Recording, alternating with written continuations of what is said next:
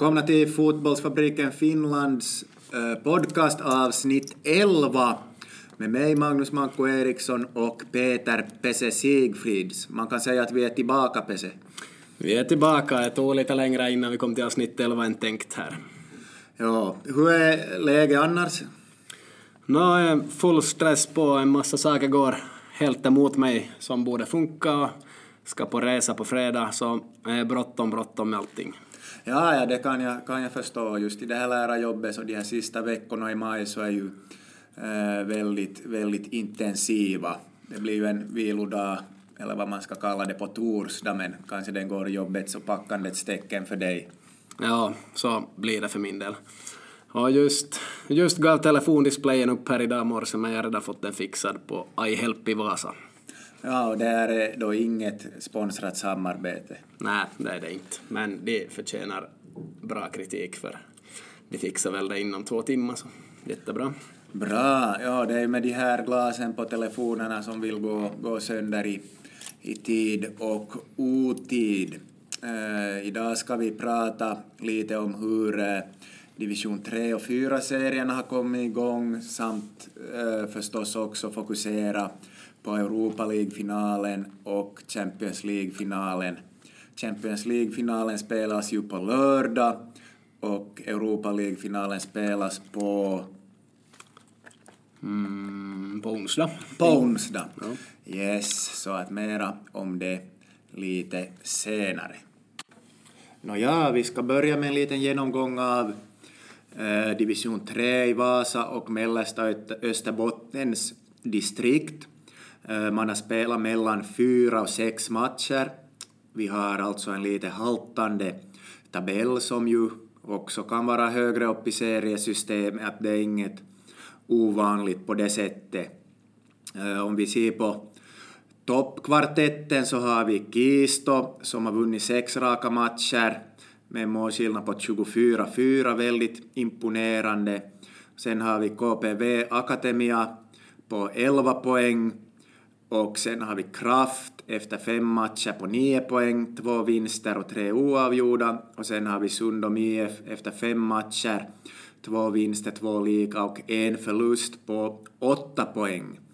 Eh, så där har vi toppkvartetten ganska väntad. De som jag personligen kanske inte alltså hade tippat med i den här toppstriden, så det var ju KPV Akademia som, som eh, ju har nu ett ganska namnstarkt lag ändå. Man har bland annat Tobias Ventin och så har man Oskar Ylimäki. Och så har man äh, Kim Palosaari och Lukas Rasmus. Och äh, en del andra rutinerade division 3-spelare men, men också om man ser i i det där, ähm, så där i övrigt så, så har, har KPV spelat övertygande och, och kan kanske bli någonting av en svart häst i år. Man får, får ju följa med lite och se hur samarbetet mellan KPV och GBK kommer att gå eftersom de har ett farmavtal och KPV har inlett ganska svagt så att det kan hända att det börjar slussas in folk där kanske det gör så att GBK får mera spelare och kanske det kommer från GBK till KPV Akademia. Eh, till exempel en spelare som Adam Vidjeskoga till exempel spelat också två matcher med KPV Akademia så att man har ett, ett starkt lag på fötterna och även om laguppställningen ju kan komma att variera lite från match till match. Så KPV svarta hästen så här inledningsvis i division 3. Sen har vi ju Kisto som alltså har vunnit, vunnit sex raka matcher. Det är väldigt imponerande att göra i vilken serie som helst så att säga. Matcherna ska spelas. Kisto har ett, ett väldigt väldigt rutinerat lag och kanske ganska fysiskt också, men att man har kanske haft mest problem i matcherna mot KPS som man fick hål på rätt sent och sen också av en tidig semifinal, nej, seriefinal som spelades mellan Kisto och Sundom IF och den, den matchen vann Kisto med 3-2. Den spelades på Elisa-stadion. Så. Uh, det om de här topplagen. Eh, uh, Vi kan ju också nämna att, att Kraft alltså hade spelat tre kryss och om man vill vara med, med i täten så är det nog tre poängare som, som är att rekommendera. Även om man inte har förlorat så, så tappar man ju ganska mycket poäng med om man får många kryss. Sundom har också spelat, spelat kanske någon, någon onödig kryssmatch men att de, de kommer nog säkert att komma igång desto mer vart efter säsongen lider. Så det är lite om, om inledningen och toppen i trean. Om vi ser ner mot botten av tabellen så har vi IJBK som inte ännu har lyckats öppna poängkonto. Uh, eh, spelmässigt så, vad jag har förstått, så ser det bättre och bättre ut så att månne inte ska börja ramla in mål och poäng för dem också. SEIK har ett poäng efter spe, fem spelade matcher, uh, men tror nog att de också kommer att komma igång. Sen har vi VPV strax ovanför strecket tillsammans med Sporting Kristina och Sporting Kristinas spel har, har sett bättre ut än kanske resultaten har, har visat. Man har en vinst, en lika och tre förluster och en målskillnad på 13-16. Uh, eh, nej, förlåt, det var VPV som hade det. Sporting Kristina har fyra gjorda och fem insläppta, så att ganska målsnålt där för dem. Eh, för övrigt kanske just de här lagen som man lite har tippat ska vara med i bottenstriden. NIK där strax ovanför. Ja, Pese, vad tycker du om den här inledningen? Tycker du att den har varit förväntad med tanke på de förutsättningarna och den information som vi har haft?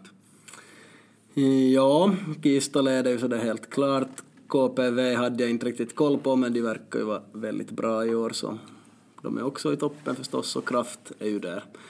Sundam har jag ju nog tippat högre än fjärde plats, vi får ju se om de kommer högre då sen. Eh, IJBK har haft svåra matcher, tre riktigt svåra. Det var samma i fjol där, så det blev förluster i början där också. Så deras fyra förluster tror jag nog de har tagit ganska hårt, men nu kommer de säkert igen och börja plocka poäng. Esse har ju också en poäng bara Sia, så det är nog... Ja, vi får se om Esse kommer igen eller om de är sämre i år. Jag vet inte. Ja, nej, jag har, vet inte heller. De brukar ju inte heller inleda säsongerna så riktigt, riktigt starkt, så att vi får, får se helt enkelt hur det går. Om, en säsongstart är ju alltid vad den är och, och klart man kan se vissa trender men, men att nu kan det ske ännu förändringar här. Ja. Korsnäs har lite kommit igång också efter en, en tung start och Kaskö har bevisat att man, man kanske hör hemma på den här nivån. Uh, man har kryssat en del och Jonas Granfors har gjort, gjort sju, sju mål så att man har, har ju nog en av ligans vassaste anfallsduon med Bekir Kadic och Jonas Granfors. Så att eh, offensiven ska det nog inte vara något fel på för dem åtminstone. Ja, KPS har ju redan åtta poäng, så båda Kokkola-lagen så verkar ju kanske helt okej okay i år. Så i botten blir det nog hårt för IBK, SE och VPV. Det är nog stor risk att två av dem är under strecket och säsongen är klar, men att de får ju motbevisa det här nu. Ja, det är det, är det som man får, får hoppas på, men vi ska ändå hoppas att inget lag blir någon slagpåse utan att serien ska leva så länge som möjligt. Det, brukar ju vara, vara tråkigt när det är så att det redan i, i juni är klart vilket lag som faller. Ja, jag tror inte det finns något sånt lag i den här serien. Däremot i fyran kanske vi hittar något i år också, jag vet inte, vi ska se om en stund. Så, men att, ja, Nykarleby, jag vet inte hur, hur pass beroende de är av vissa spelare. Att kan det vara där att om jag kommer några skador så blir det klart sämre eller inte, jag vet inte. De har ju en, en stark centrallinje nu med, med, med Atte Miftari och Thomas Kula och sen Conny Nyman som har stämplat in där på topp så att, så att det, det är fullgoda division 3-spelare. Men ja, och, och förstås Kula ska ju nog hålla i division 3 om man kommer från, från ettan. Så, så att där, precis som du säger, att kan vara beroende av, av skador och avstängningar och bröllop och resor och allt vad som kan komma som förhinder på den här nivån. Mm, exakt.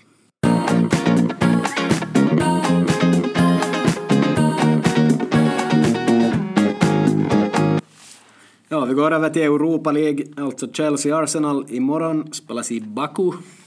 Ja, Baku och uh, hur har man fått finalen dit tror du Pese? Det vet jag inte. nej, nej, det är ju, har varit, varit diskussioner om det här att varför spelas den här matchen där?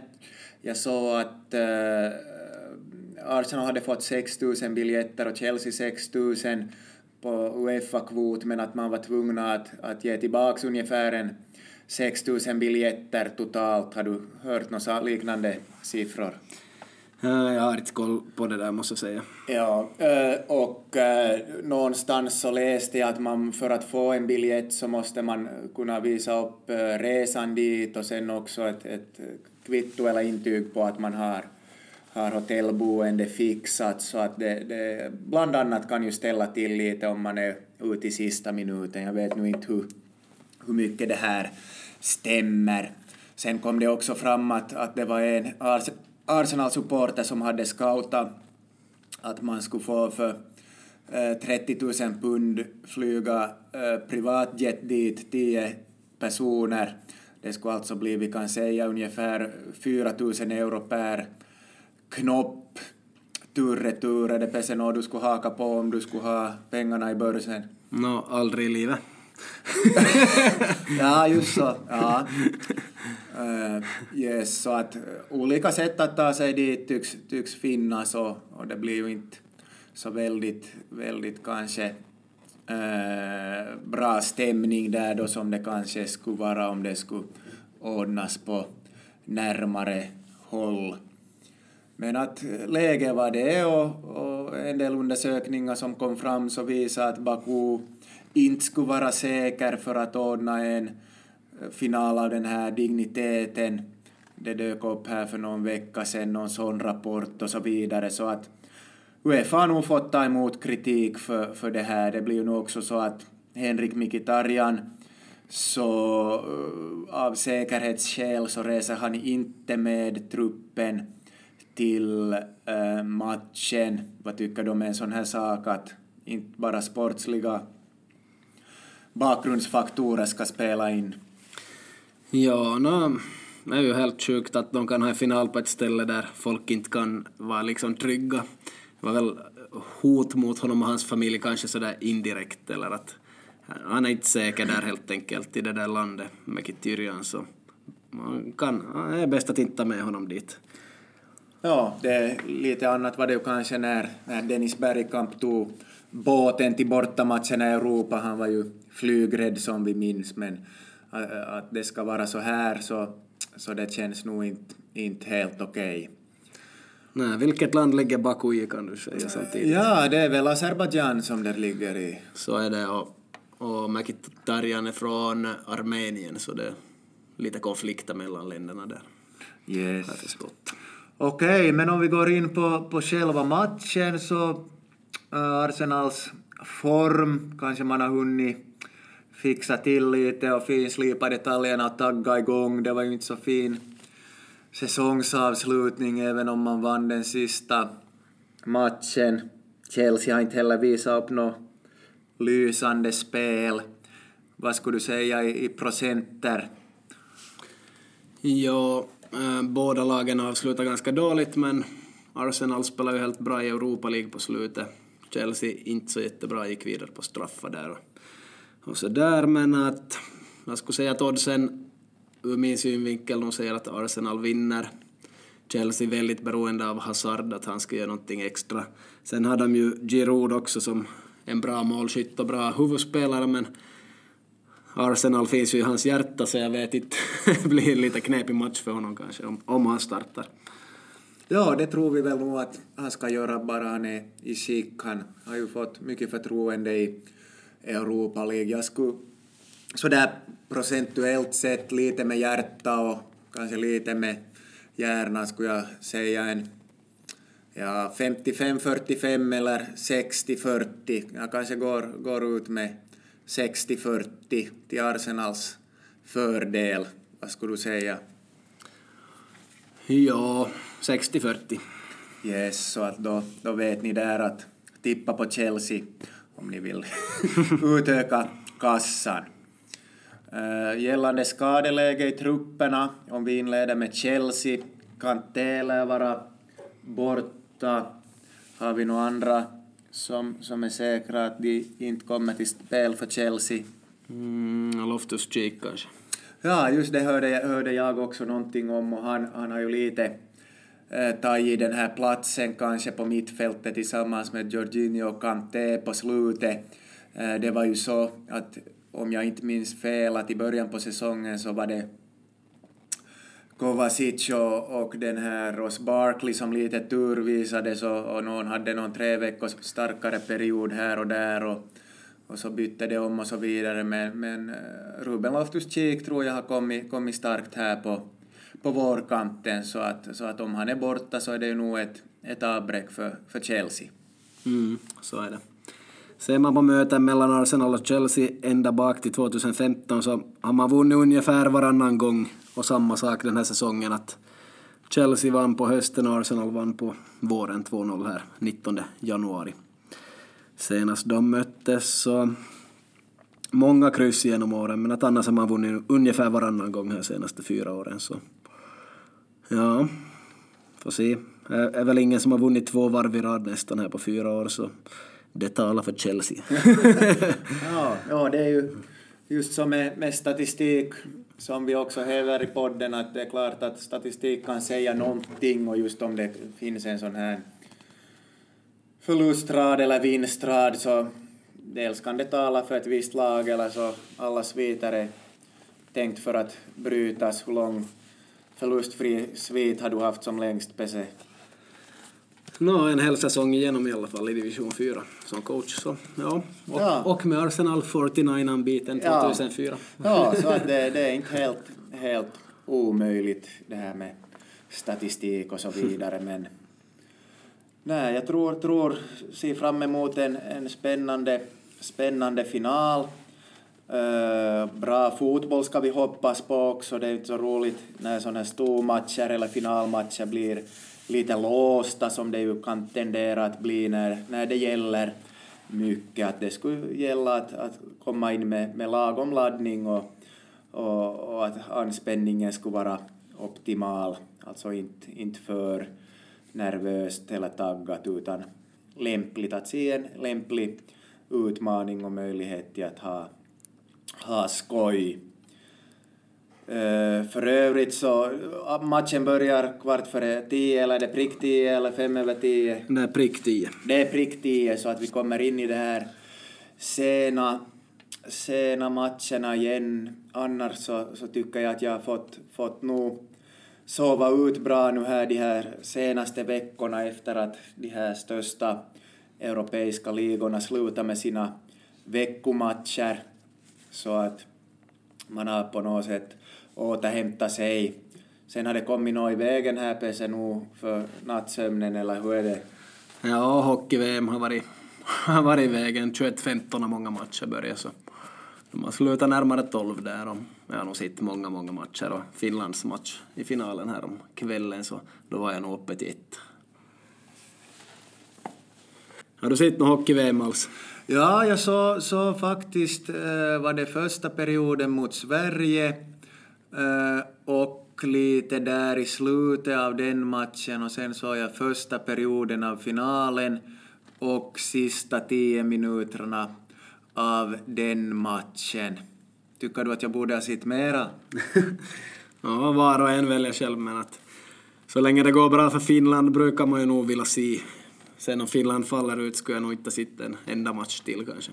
Ja, det är ju roligt när det blir en sån här äh, filis att, att alla, alla pratar, pratar idrott och, och så där. Och det, det var väl till och med så att det var folk på Vasatorg som var fira, fira och i Helsingfors var det ju väldiga glädjescener så att det är klart att det, det är roligt när det går bra för Finland och speciellt ju när det, när det är så här överraskande. Själv har jag nu gått runt och sagt att, att redan den här första vinsten mot, var det Kanada, ja. som kom lite, lite överraskande, att redan det skulle ha varit, varit som ett bevis på det här Finlands nederlagstippade lag och att, att de har gjort någonting rätt.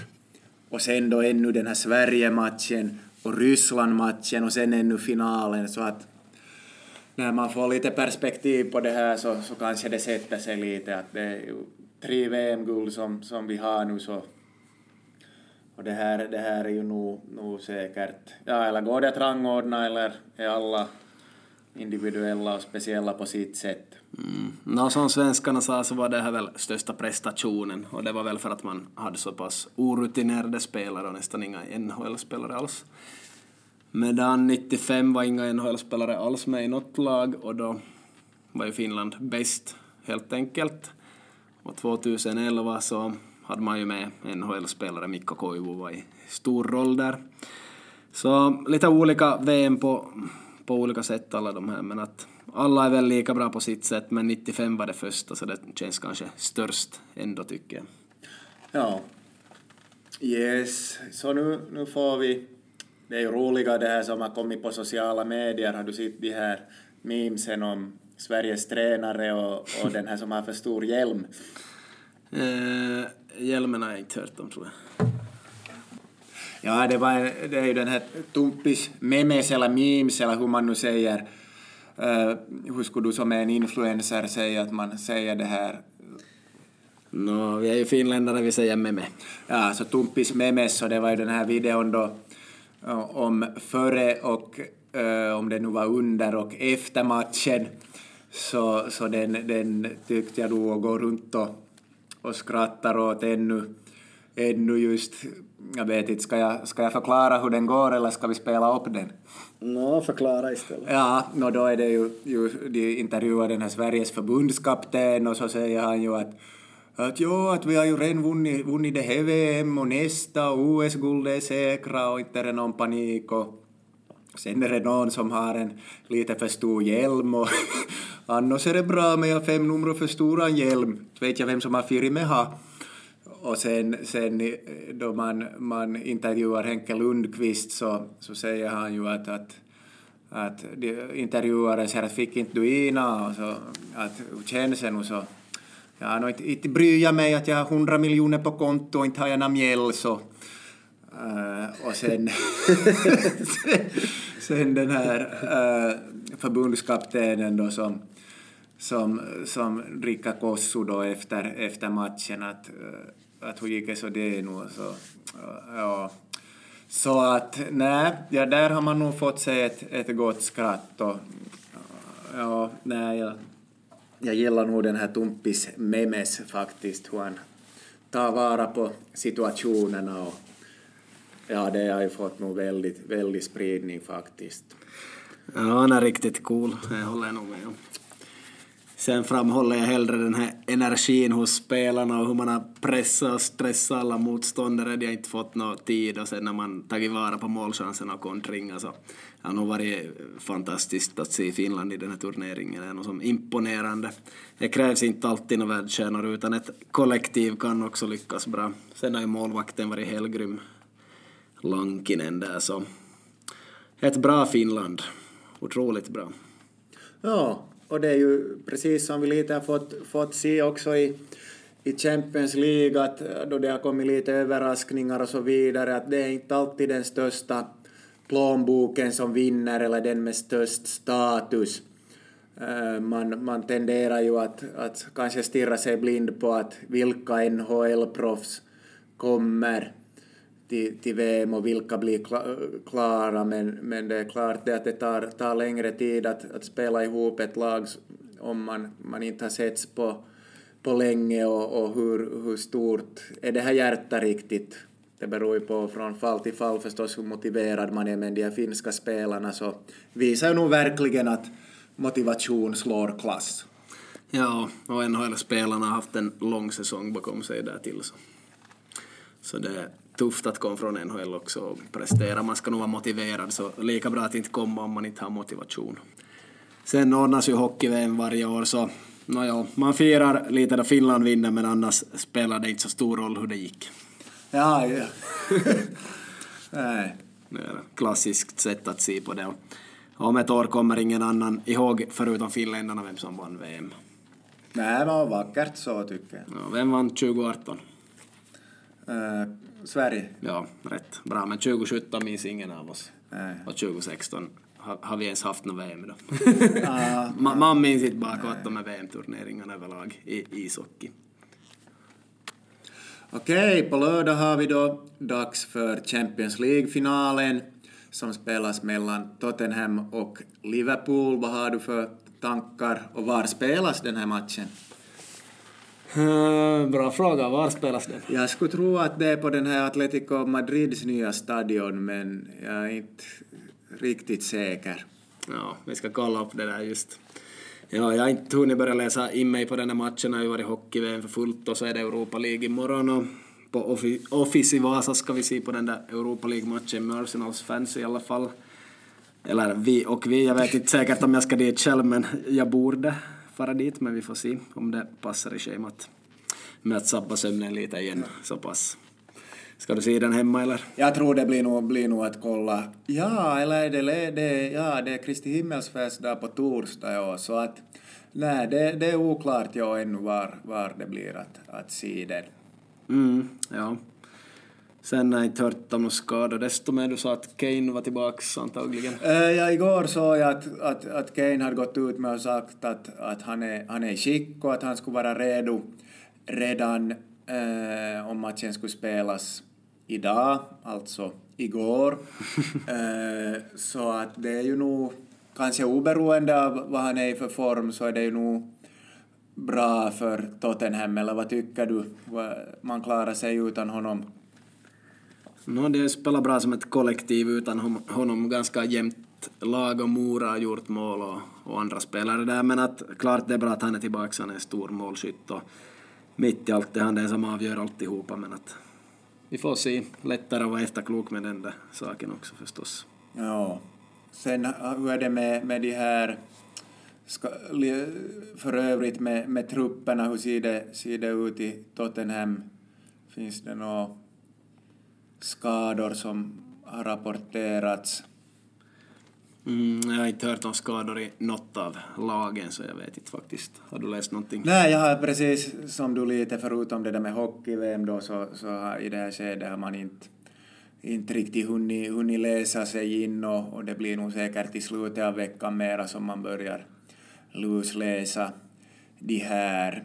Eh, annars var det ju någon som, som gick ut och sa det här att, att eh, det har varit en ganska lång matchpaus för de här lagen eh, och att det skulle tala för Tottenham. Man hinner eh, få, få tillbaka några skadade spelare och, och finslipa formen ytterligare medan Liverpool kanske tappar lite av det här flowet som, som man, man hade under slutet av säsongen, både i Champions League och i ligan där man vände en del matcher sent och det såg så helt, helt okej också ut spelmässigt. Så att, så att det ifrågasattes då att, att tala den här pausen för Tottenham, men, men det kan ju vara båda vägarna. När var det, eh, på tal om flow, som du hade haft flow senast? Tänker du på någon speciell situation? Nej, faktiskt inte, utan mera, mera så, här, så här allmänt. Så här allmänt. I någon fotis eller något, något sånt. Eh, Jag har nog bara jobbat mot mina motgångar hela tiden här. Jag får hela tiden kämpa emot vind känns det som just nu. Men att det är nog mest på jobbet som det funkar bra allting. Ja, ja, ja nej, jag hade i fotis-sammanhang så senast man hade flow var väl 2003 så det var 16 år sedan så, så att det var en bortamatch i, i Terrier som, som gick, gick bra då bland annat mot Nicke Vidjeskog och, och sådär men, men mer om, om det en annan gång. Uh, ja, Liverpools flow får man det där uh, Nå ja, men jag ska nog säga nu, jag spelade i division 6 i fjol, väl sista matchen. Jag spelade defensiv mittfältare och gjorde två mål. Ja, okej. Okay. Fälld till en straff. Och vem la straffen? Uh, du säkert. Ja, i krysset. Ja, ja. Jag siktade på nedre krysset, den for i övre krysset. Ja, jag brukar säga att sikt i mitten så far i krysset. Andra målet, frispark, skjuter fullt under ribban från 20 meter. Där målvakten står, men det var division 6. Ja, det skulle målvakten ha räckt till ribban. Ja. Ja, just det. Jag så hårt så jag for mellan händerna på honom. Ja, ja, ja. Så jag var senast jag hade flow. Jag var säkert i augusti i fjol. Ja, okej, okay, no, men. Ja. Vackert så. Jag tror vi vann 2-0 bara, eller ja, något sånt. Så. Helt kul. Ännu om den här stadion då så, jag har nu kollat upp, den heter Vanda Metropolitano och är nog, som du sa, Atletico Madrid-stadion. 67 829 tar den in, så det är 2000 mindre än i Baku ungefär. Disco 69 000 någonting. Så det är nog en femstjärnig stadion, nej fyrastjärnig stadion rankas den som. Och, ja. Uh, ja, Atletico Madrid har spelat där sedan 2017-18 säsongen så två säsonger nu har den ju varit i bruk så att säga. Ja, man var ju oroliga när den togs i bruk att om man skulle få, få det till en likadan hemmaborg som, vad hette den här förra, Vicente Calderon eller någonting sånt. Mm. Där, där ju man, man, man har spelat bra i många år under, under Diego Simeones ledning. Jag har nu inte något koll på, på hur, hur, man har spelat, spelat där de här förra säsongerna men, men det har ju nog inte blivit no desto större. Ja, man spelar väl Europa League hemma då säkert förra året. Visst vann man det? Um, ja, det var, det var väl så. Ja, så att, så att åtminstone den, den turneringen så gick, gick bra, men, men inga, inga framgångar i Champions League eller La Liga desto mera. Men det är ju, när man byter stadion så, så det finns, sitter i väggarna det tog ju, tog ju många år innan, innan man började känna sig hemma på Emirates Stadium. Efter, efter många år på Highbury, vissa fans kanske inte ännu känner det som, som hemma, vissa rutiner som kan vara speciella och, och så vidare. Och lite likadant med, med kanske Sandvikens stadion, att man är eh, van, van med, med att ha en palaver på ett visst ställe i gamla, gamla eh, stadionbyggnaden slash läktaren och nu är man i, i nya utrymmen men, men jag tror att, att den här Vasas stadionfråga så, så kommer vi nog att ta upp i ett senare avsnitt. Ja, den är nog ett kapitel för sig. Yes. Gällande matchbilden, vad tror du? Blir det så att Tottenham kommer att rulla boll och Liverpool försöka kontra eller vad skulle du... Blir det Hawaii från ena sidan till andra eller vad tror du? Mm, skulle säga att båda lagen har som bättre anfallsspelare än försvarsspelare så kan nog som bli målrikt om det bara vill sig. Och speciellt om det kommer ett tidigt mål men jag håller nog Liverpool som favoriter. Gissar att de gör två mål. Och Tottenham gör ett mål så det blir 2-1.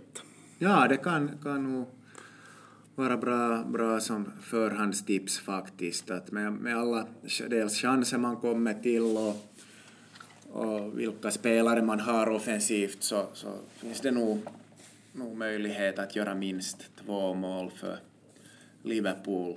Ja, och börjar det spåra ur kan det bli 4-3 mitt i allt till och med eller någonting. Men det är ändå en final så vi får se. Kanske de är lite defensiva ändå, båda lagen. Ja, även om ju inte bortamålsregeln ställer till det här. Vad tycker du om bortamålsregeln? No, den är ju skapad från första början för att det var svårt att resa i Europa och det tog mycket på krafterna så man kom till en bortamatch.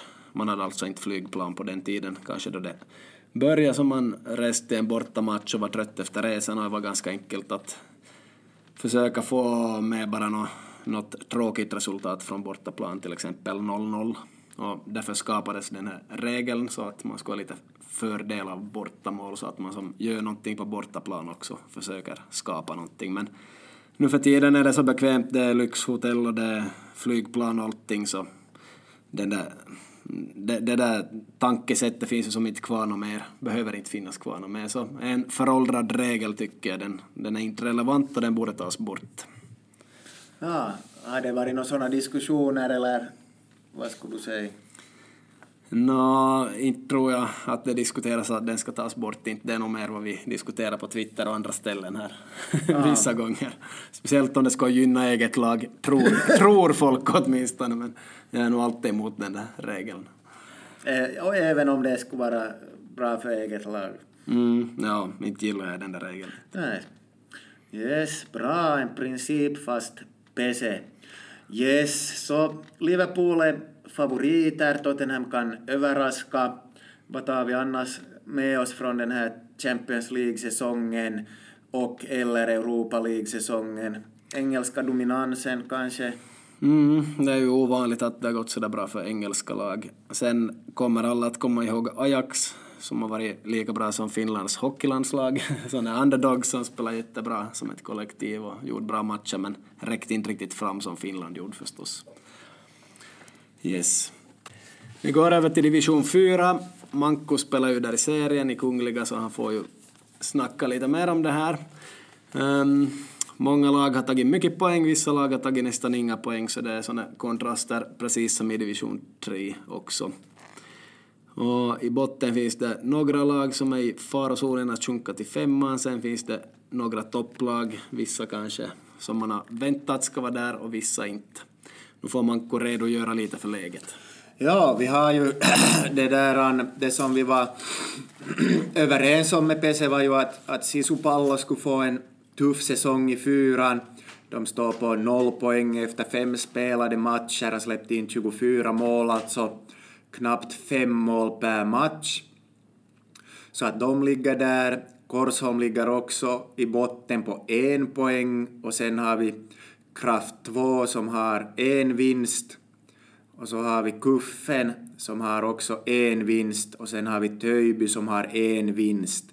Så att vi har fem lag där i, i, i botten. Töjby, Kuffen, Kraft, Korsholm och Sisupallo. Eh, vi, vi väntar att åtminstone kanske Kuffen och Kraft kommer att, att bättra på vartefter det går. Virke har också haft en bra vecka nu och låg länge på på, på var det ett poäng med, eller var det noll poäng till och med, men sen, sen så, så var man och kryssa med Kungliga Vasa här för någon lördag sen. 4-4 blev det i en svängig tillställning där, där undertecknad var inblandad i en straffsituation på övertid, vilket ledde till att eh, Virke fick kvittera ut en, en enpoängare där, så så att eh, Virkia har, på sista tiden kommit, kommit igång. Och vi ser sen i toppen på tabellen så har vi Norvalla FF som har fem matcher spelade, fem vinster. Man har gjort 25 mål, släppt in eh, fem, vilket ju ger då en 5-1 vinst i snitt. Norvalla har kommit bra igång, spelar sina hemmamatcher på Norvalla konstgräs, kanske har lett till att man har fått, eller det har inte varit åtminstone till nackdel för det, det unga och, och kvicka laget. Eh, sen kommer vi kanske till en av de största överraskningarna, åtminstone för undertecknads del, och det är det här SJK J som också har vunnit alla sina matcher, gjort lite färre mål. Man har spelat ihop alltså 15 poäng på fem matcher. Eh, först när man börjar se att de hade vunnit matcher eftersom de är äh, nykomling i serien så, så börjar man ju kolla att äh, vad har man riktigt för, för spelare här. De rapporterna som, som jag fick från, från tidigare så var ju att det var en massa, massa unga som orkar springa Eh, men sen när vi börjar gå in på, på, på så att säga eh, namn, namnnivå så börjar vi se att, att det finns nog eh, förstås unga spelare men sen, sen finns det också sådana som, som kanske spelar det här SJK 2 eller i SJK 1 och som har varit någon gång unga och lovande. Eh, och sen har vi också sådana som har var varit tidigare i sisupallo och så vidare. Om man, man tar här och, och tittar på, på listan så, så sådana namn som, som sticker ut så är ju åtminstone Petri Huttu. Sen har vi också Sami Viljanen, Jonas Kuivalainen och Mika Asummaa. Och sen har vi också eh, Tommi Kukila har gjort eh, hela åtta mål. Och sen har man också Toni Kujala med i laget.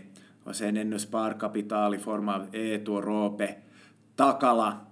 Så att eh, äh, SJK hade vi inte riktigt koll på, måste man säga. Matcherna de har vunnit mot Virke, Kuffen, Korsholm, Vepsu J och Kraft 2, så det har kanske inte varit den tuffaste inledningen, men, men ändå fem, fem raka vinster så, så tala sitt tydliga, tydliga språk att, att kan bli att räkna med i år. Äh, sen har vi på tredje plats har vi ABC Strömsö som vi ju flaggar för lite här i podden redan. Man har inlett väldigt starkt och det som kanske sticker ut mest är den här 10-0-vinsten borta mot Kraft, där också en, av, en tidigare Kraftspelare, Mikael Johansson, gjorde fem mål, så att där, där hade vi en, en som, som verkligen var på hugget mot sin gamla klubb, men, men jag skulle inte säga att det är överraskande att eh, ABC Strömsö ligger så här högt upp. Sen har vi på fjärde plats har vi VPSJ, ångat på bra, gjort mycket mål, tre vinster, en liga och en förlust. Eh, kommer att ligga, ligga nog tror jag i, i mittenskiktet resten av säsongen. De är ju ett väldigt trevligt lag också.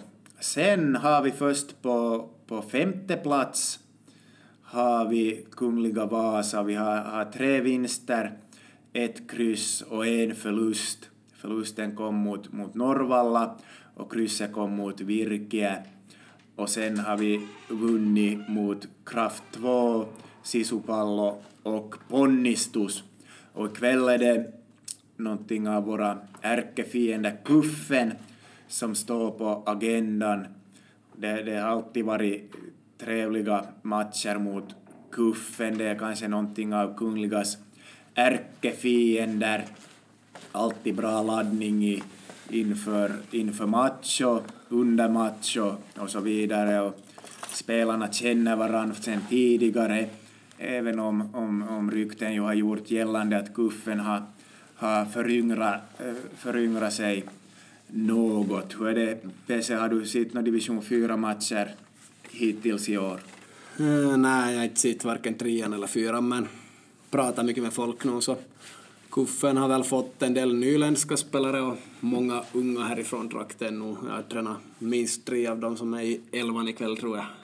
Ja, det, det bådar ju inte, det här med unga, så det bådar ju inte så gott för Kungliga, men, men det här med att PC har tränat dem så, så tror jag att vi, vi det där Uh, inte kommenterar om det är bra eller dåligt för, för Kungliga. Ja, just det, jag får här efter inspelningen då se om jag får, får lite, lite namn och positioner så att vi kan lägga upp matchplanen då enligt det. Under årens lopp så har ju Kuffen varit, eller åtminstone senaste fyra, fem åren varit bra på att, på att backa ner och krympa ihop ytor och slå på kontringar så att det gäller ju då att i, i bästa Manchester City-stuk få tillräckligt långt avstånd mellan spelarna, egna spelarna så att inte man blir, blir avtäckt Soletto och, och rörelse och så vidare, kanske något långskott. Men att det blir, blir en intressant match så att avspark 20.00 vid Botniahallen konstgräs ska, ska tilläggas och Kungliga kommer till spel nu med, med något sånär intakt trupp. Det är väl bara kanske en fem, sex spelare som har förhinder, vilket är bra i Kungligas mått mätt. Ja, man ser ju Kuffen har tre poäng på fem matcher och ni har tio där redan. Ja, jag tippar nog att ni vinner med 5-0, 6-1, någonting sånt åtminstone. Men vi får se. Jag kanske kommer att se en stund idag om jag hinner, det beror på. Ja, just det, okej, bra. Du får ta med en podden-vimpel. ja, som finns att köpas i webbshoppen. Nat. yes. Ja, så i stort sett finns det några topplag där i fyran, kanske en fem stycken, så finns det ett par bottenlag som riskerar att sjunka och så har vi ett par mittenlag där. Och Virke som jag trodde ganska hårt på så har två vinster, ett kryss och två förluster. Har väl ställt upp en väldigt ungt lag här som jag hörde av Manko och ja, de är inte lika bra som de var i slutet av division 3 då, för de var, de var helt okej faktiskt ännu på hösten fast de sjönk. Ja, vi hade lovat att vi skulle nämna det här med sparken lite också, så att HIKs tränare fick sparken här nu då, Lehko Suo. Uh, vad hade han? Tre cupvinster och tre FM-guld med dem. Ja, det var så lite FM-guld. Jag tror det, sedan han tog över. Men i alla fall, det är tre plus tre där, så är det ganska bra. Men sen har de ju kanske inte funkat så bra i europeiska kupper och kanske inte spela alltid på det sätt som de skulle kunna göra, pressa högt och vara väldigt dominanta och sådär. Så han får kritik ibland för sådana där saker och sen har han sagt på vissa tränarskolningar att ej ole fudista, att det är inte fotboll då folk vill spela på andra sätt än honom och inte till, ja, han slår, jag vet inte, han vill väl spela efter marken och sådär på olika sätt, men direkt någon har en taktik där man använder mer crossbollar i luften eller någonting så ej ole fudista, så ganska många utbildare stressade på honom och, och jublar säkert då han fick kicken. Ja, så, så det jag brukar ju, brukar ju istället använda en annan äh, tränares äh, äh, ordspråk att ilmassa ei ole kuoppia. när man klagar på gräsplanen. Att I luften finns inte något mycket gropar. Mycket långbollar bara. Det är ju något som, som jag förespråkar.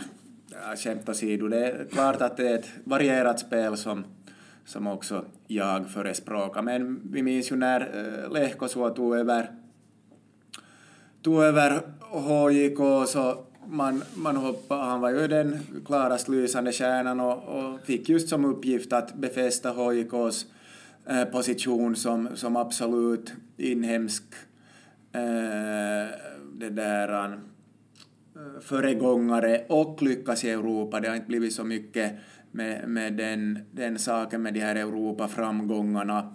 Och nu så har säkert det här den här knaggliga starten på serien gjort att man då helt enkelt ser, tar tillfället i akt och, och ger, ger honom kicken. Jag har inte läst något desto mer om vad man kom överens om och hur långt kontrakt han, kontrakt han hade, men, men han har ju nog varit säkert den dyraste tränaren i, i Finland.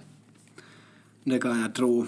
Och han har ju nog gjort ett bra jobb på många sätt och sådär. Och nu då han slutade så fick också Sara Järvi gå, eller så sa han upp sig själv som har varit fystränare där nu och varit i VPS tidigare.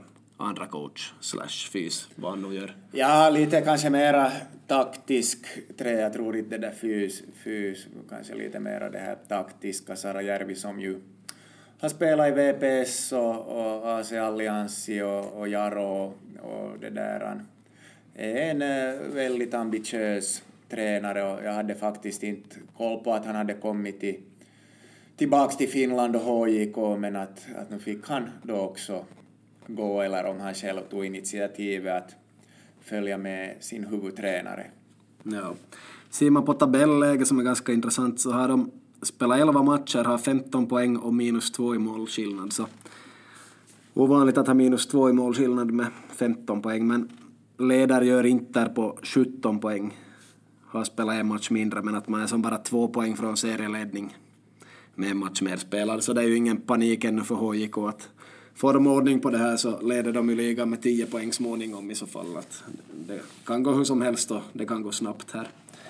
Det är med sparken har vi fått utbildning i då vi icke får A-utbildning så finns hur mycket som helst att säga om det men sådär kortfattat kan jag säga att det är ju synd om den som får sparken och det kan innebära ekonomiska kriser helt privat och sådär så det är nog aldrig någon man ska vara nöjd över eller säga att ja, vi sparkar honom och, och vara nöjd sådär utan på ett humant sätt och gärna se att de har det bra och klarar sig. Och I Lehkosuos fall så han verkar inte ta det något hårt, han önskar HIK lycka till. Och sen vet man ju att han har det helt okej ekonomiskt, vad man nu känner till själv, och han får nog snabbt ett nytt tränarjobb. Så, så ingen panik på det viset tror jag det för honom. Och det finns bara två sorters scenarion som kan ske som tränare. Det är att man har fått sparken eller ska få sparken. Jaha, vilken kategori hör du till då, Pese? Nå, just nu tränar jag inget lag och inte har jag nog kanske fått sparken men äh, det laget jag höll på med så hade helt enkelt för lite spelare så det blev inte någonting och jag vet inte, de samarbetar med ett år äldre och de gör det utan mig. Så för att göra en lång historia kort så, ja, jag är utan coachjobb för tillfället och jobbar med olika projekt istället. Men nu har jag själv varit med om situationer där man har försökt få bort tränare då man har suttit med som träningschef eller i styrelse och det har funnits vissa orsaker men man gör det på ett schysst sätt om man kan och, och ser vad som blir bäst där. Sen har jag nog två gånger behövt sluta men det har nog sällan varit mitt fel utan det är nog diverse omständigheter och fel på klubben mer skulle jag säga i så fall för folk har inte det mesta på klart. Passar ganska bra ihop med en diskussion som jag hade med en tränarkollega här igår som jag råkade träffa i en butik. Han sa att om man är ärlig och gör saker ordentligt så då är det ganska stor risk att man blir bortlagad. har hänt honom också, han är väldigt duktig, han är lärare. Det finns många lärare som är duktiga tränare som har FA-utbildning och har inte tränat någon för tillfället.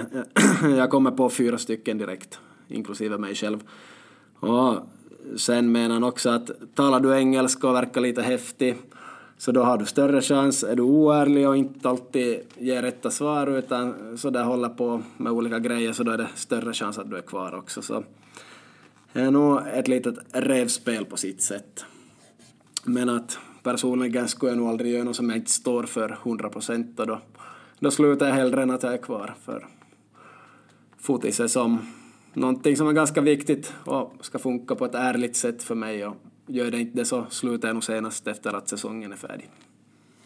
Ja, tack för den genomgången.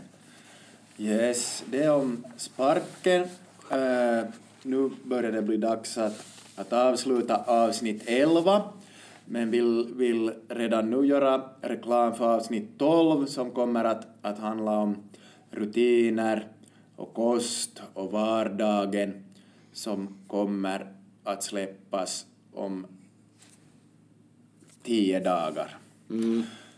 Eh, så vi tackar er för att ni har tålamod med oss och uh, ni ska ha en bra skolavslutningshelg allihopa och Champions League-helg.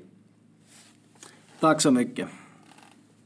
Avsnittet presenterades av Foto Airaksinen i Vasa.